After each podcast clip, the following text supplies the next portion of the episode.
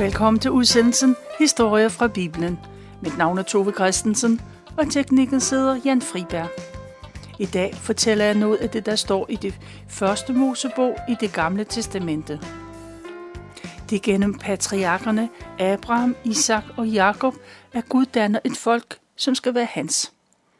Ved på deres måde udfylder de tre mænd den plads, som Gud har givet dem.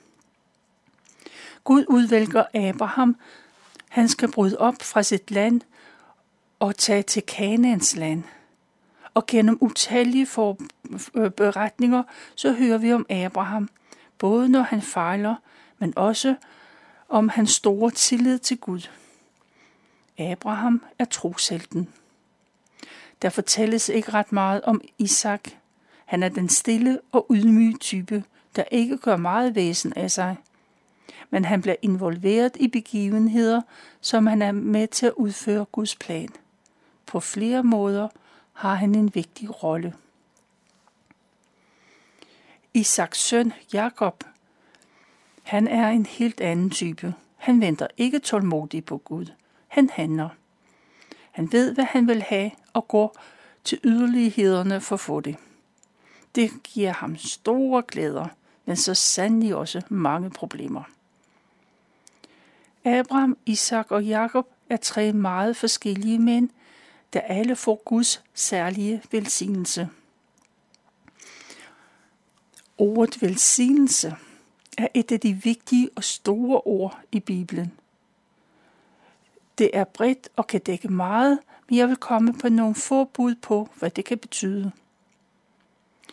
For det grundlæggende vigtige, det er, at det er Guds velsignelse. Det handler først og fremmest om Gud og hvad han gør. Velsignelsen, øh, der fokuserer Gud på, på den enkelte, på dig. Det er relationen mellem Gud og mennesker, der er vigtige. Og Gud er der nær, og han viser din godhed i velsignelsen. Det gælder både materielt, sjæleligt og åndeligt. Og Guds velsignelse må man ikke tage for givet. Det kan aldrig blive en selvfølge. På græsk og hebraisk er Guds velsignelse det samme ord, man bruger, når mennesker lovpriser Gud. Guds velsignelse og at lovprise Gud er to sider af samme sag. Og det ultimative Gud har gjort for os mennesker, er, at han har givet os sin søn, Jesus Kristus. Han er død for os. Og den velsignelse, som israelitterne i det gamle testamente hørte, og som vi hører i kirken i dag, den lyder sådan. Herren velsigne dig og bevare dig. Herren lad sit ansigt lyse over dig og være dig nådig. Herren løfte sit ansigt mod dig og give dig fred. Om lidt så skal vi høre noget om denne en særlig velsignelse. Isak og hans kone Rebekka er oppe i årene, da de bliver forældre første gang. Under graviditeten så mærker Rebecca en uforklarlig uro for fosteret.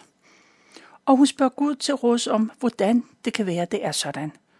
Og svaret er, at hun venter tvillinger, og de øh, brydes med hinanden, og de vil få et konfliktfyldt forhold til hinanden, når de øh, bliver voksne. Og så vil den ældste komme til at tjene den yngste. Rebecca, tiden kommer, og hun får være, og så føder hun først en dreng. Han er helt rød og behåret. Han ligner en skinkappe. Han kalder forældrene for Isau, der betyder lodden. Dreng nummer to kommer lige efter, og i fødslen så holder han sin bror i hælen. Han bliver kaldt for Jakob, Jakob.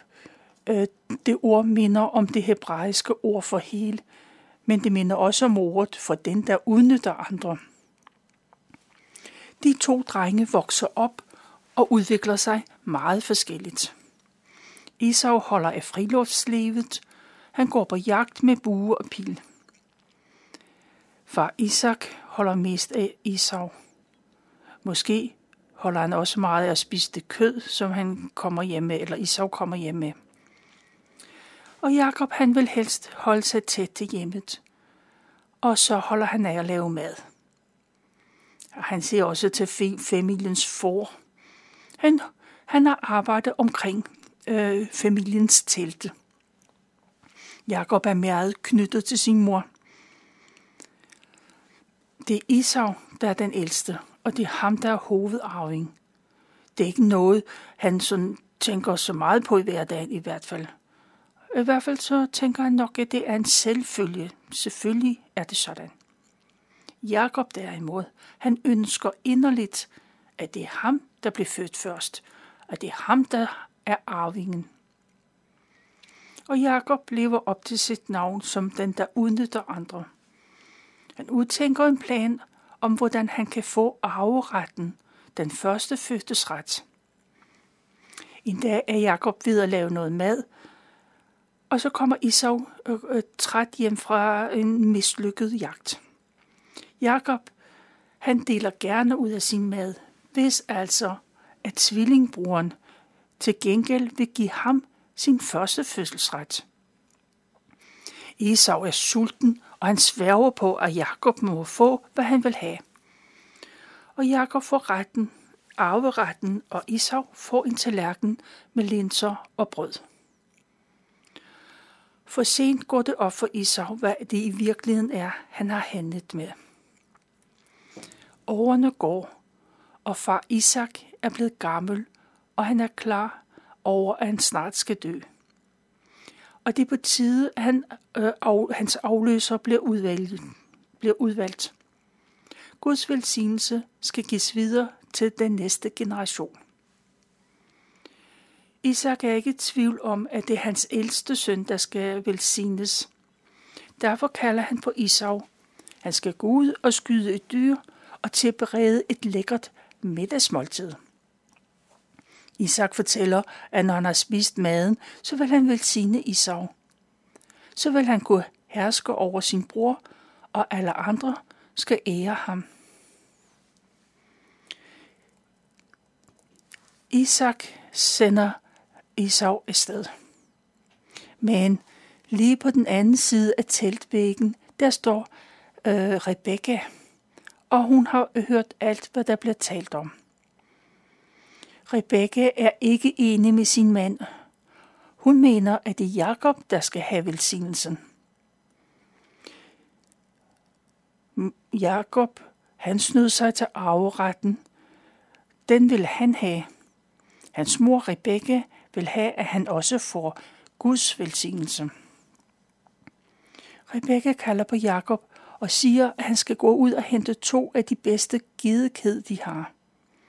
Rebekka slagter og går i gang med at lave mad. Hun koger, steger og bager brød. Og det er hendes mand Isaks yndlingsret, hun er ved at lave. Rebekka når også at hente Isaks pæneste tøj. Det giver hun til Jakob og siger, at han skal tage det på. Og så er Jakob klar til at gå ind til sin far med den mad, hun har lavet. Men Jakob, han gør indvendinger. Selvom den gamle Isak ikke kan se noget, så vil han hurtigt kunne mærke, at, Jakob, at det er Jakob, der kommer. Så vil øh, Jakob blive forbandet i stedet for at blive velsignet. Men Rebekka finder på råd. Hun tager skinnet fra den ged, der lige er slagtet. Hun binder det om Jakobs arme og hænder, og også om halsen blev dækket til. Er Jakob lige så lodden og mærke på som Isau. Og Jakob tager det færdigt mad, og så går han ind til sin far. Isak sidder i sin stol, og han kan høre, der kommer nogen, men han kan ikke se, hvem det er. Og Jakob lader som om det er Isau. Jakob undrer sig over, at han allerede er kommet tilbage fra sin jagt og har nået at lave den mad, der dufter så dejligt. Men Jakob påstår, at Gud har sendt et dyr, så han hurtigt kunne komme tilbage. Og det tager hans far for gode varer. Men der er alligevel noget, der ikke rigtig stemmer. Kom herhen, så jeg kan mærke på dig, sagde Isak. Og Jakob kommer hen til sin far og rækker hænderne frem. Og den gamle mand mærker på de lodne hænder, og han er næsten overbevist. Han kan høre på Jakobs stemme, at det er, at det er Jakobs stemme, men han kan mærke, at det er Isau. For at være helt sikker, så spørger Jakob endnu en gang, er det nu Isau? Er det ikke rigtigt? Jo, selvfølgelig, siger Jakob. Og så spiser Isak den mad, der er lavet til ham. Da han er færdig, så forlanger Isak at få et kys af sin søn, og Jakob går hen og giver sin far et kys på kinden. Jakob er helt tæt på Isak, og så kan han lugte vinden og jorden, der sidder i tøjet. Det er den duft, han forbinder med Isau. Og det gør ham helt overbevist om, at det virkelig er Isau, der står foran ham. Isak velsigner Jakob med ordene om, at Gud må lade ham leve på jordens, eller leve af jordens afgrøder. Ja, at han skal få i overflod. Alle andre folkeslag skal tjene ham og bøje sig er bødigt for ham. Selv hans bror skal tjene ham og hans familie. Den, som han velsigner, skal være velsignet. Modsat den, han, der forbander ham, eller han forbander, skal være forbandet. Sådan udtaler Isak sin velsignelse. Da Jakob har fået den velsignelse, så går han. Og han er dårligt nok kommet ud af teltet, før Isak kommer hjem. Isak, han ved ikke, hvad der er sket, og der er ingen, der fortæller ham noget. Så han begynder at lave det mad af det dyr, han har skudt. Og da maden er færdig, og Isak går hen til sin far og siger, at nu er han kommet tilbage, nu kan han spise. Men hvem er du? Den gamle Isak er forvirret. Jamen, jeg er Isau, din ældste søn. Isau kan heller ikke forstå, hvad der sker. Og så bliver far Isak forskrækket og begynder at ryste over hele kroppen. Men hvem har jeg så velsignet? Jeg har jo lige spist, og han har fået velsignelsen. Og så går det op for dem begge to, hvad der er sket. Jakob er kommet først. Men far, så må du også velsigne mig, udbryder og Isau. Men det kan Isak ikke.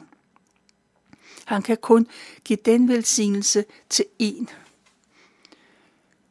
Isau udbryder. Det er ikke så mærkeligt, at han hedder Jakob. Nu har han snydt mig to gange. Først tog Jakob første fødselsretten, og nu har han også fået velsignelsen. Og Isau spørger endnu en gang, om der ikke også er en velsignelse til ham. Men nej, siger hans far. Din slægt har jeg gjort til tjenere i for hans slægt, og jeg har lovet ham overflod både af vin og korn. Hvad skal jeg give dig, som han ikke allerede har fået? Isau græder. Er der ikke en eneste velsignelse tilbage? Og så hans far er bedrøvet. Han siger, at sønnens hjem vil komme til at ligge langt fra de frugtbare marker og fra de vandrige områder. Han kommer til at nære sig ved hjælpe sit svær, ved kamp, og Isau skal tjene sin bror, indtil han har fået gjort sig fri af Jakob. Den gamle far siger dermed, at Isau vil klare sig, og han får mulighed for at komme fri af Jakobs dominans.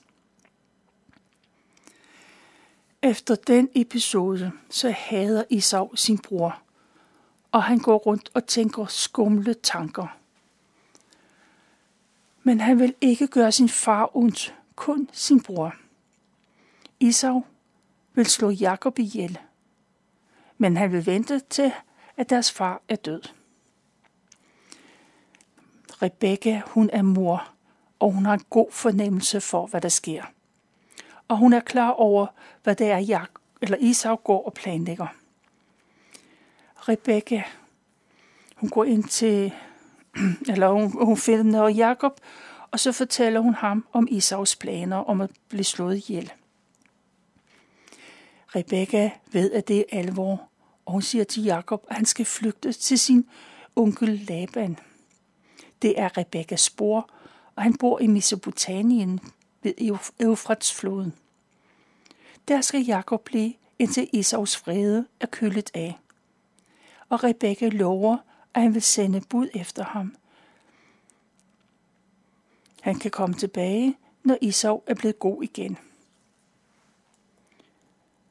Rebekka, hun ville ikke risikere at miste begge sine drenge på en gang. Og det vil hun gøre, hvis Jakob bliver myrdet, og Isau bliver dømt for mordet. Rebekka har overbevist Jakob, og nu så går hun ind til sin mand Isak. Hun siger, at hun er træt af de hittitiske kvinder. Isau er gift med en af dem, og det er en stor sorg, og har været det længe, både for Isak og for Rebekka. Hun vil ikke opgive, og det vil hun ikke opleve, at Jakob også gifter sig med en hittitisk kvinde. Derfor foreslog hun, at Jakob rejser til hendes bror Laban for at gifte sig med sin kusine. Re- Isak kan se fornuften i Rebekkas ord, og han kalder Jakob ind til sig. Den gamle mand siger, at Jakob ikke må gifte sig med nogen af de folk, der bor i Kanaan. Ingen af dem tror på Gud, og ingen af dem er af deres slægt. Hittitterne, de tilbeder afguder og har helt andre skikke, end de selv har. Derfor skal Jakob tage til sin onkel Laban for at gifte sig med en af kusinerne. Isak ved, at det sandsynligvis er sidste gang, han ser sin søn Jakob. Og nu gentager han frivilligt den velsignelse, som Jakob tidligere havde snydt sig til. Jakob får sin fars velsignelse til at rejse og til at gifte sig. Men Jakob skal love, at han vender tilbage til Kanaans land, for det er det land, som Gud, Guds velsignelse er knyttet til. På den måde så flygter Jakob fra sin brors vrede. Isak opdager ikke engang, at det er en flugt. Han ser det sikkert bare som et tegn fra Gud. Jakob skal få en kone af hans egen slægt. Og Jakob tager afsked med sine forældre, men han siger ikke farvel til sin tvillingbror. Faktisk er der ingen, der fortæller Isau, at Jakob er på vej væk. Derfor er Jakob langt øh, væk, da Isau bliver klar over det. Og så hører han om den officielle grund til, at han er rejst. Og først nu går det op for Isau, at hans forældre ikke kan lide de kananæiske kvinder, han er gift med. Pigerne, de er sikkert gode nok, men de kommer ikke fra den rigtige baggrund. Forældrene er ikke blevet spurgt til råds, og de har ikke bebrejdet Isau hans valg af koner. Men Isau han kan mærke forældrenes skuffelse, og så vil han gøre skaden god igen. Og så tager han den beslutning, at han vil rejse til en anden onkel, til Isaks halvbror Ismail.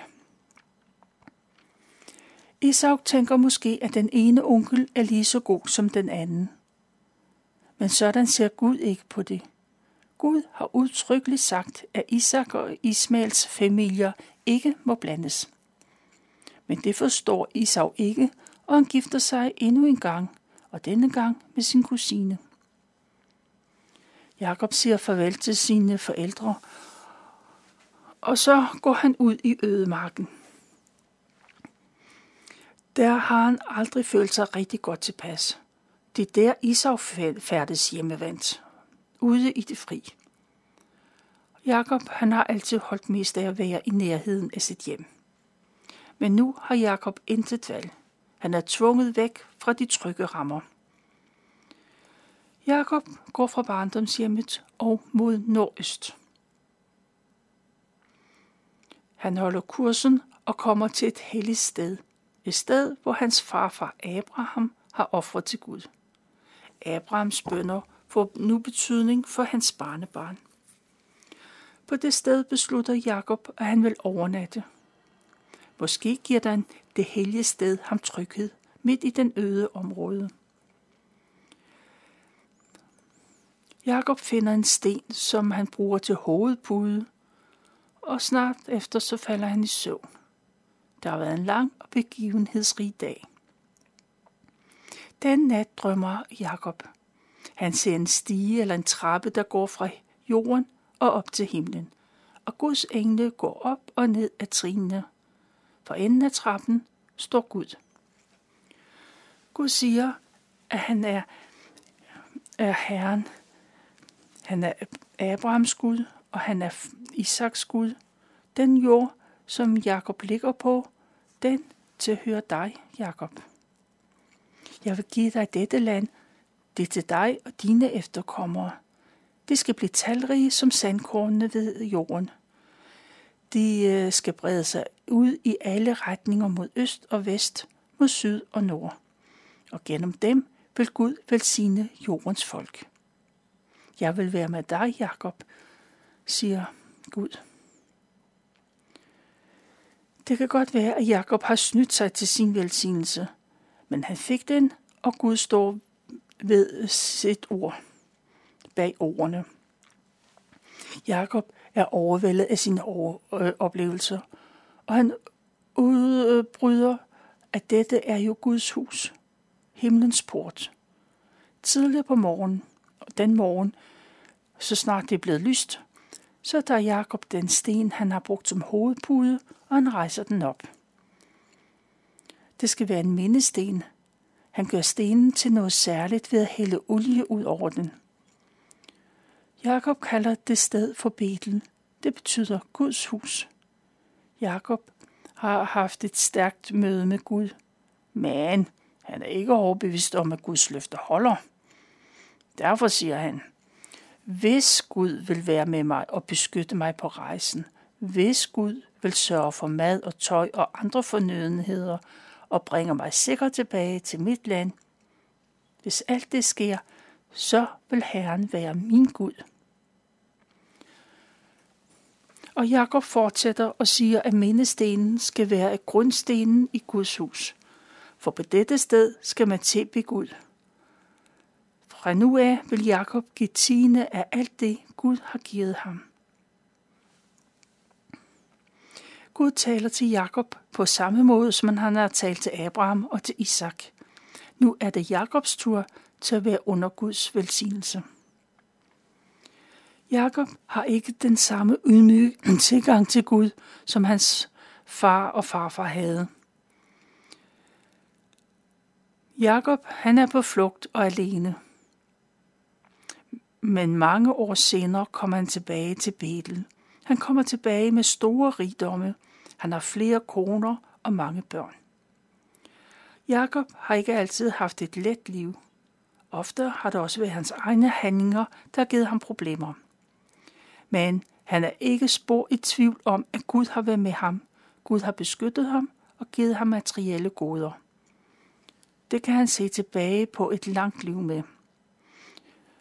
Og når han kommer tilbage til Betel, så ved han, at Gud er også hans Gud. Det er Jakobs Gud. Det er, hvad jeg har valgt at fortælle fra 1. Mosebog, kapitel 27 og 28.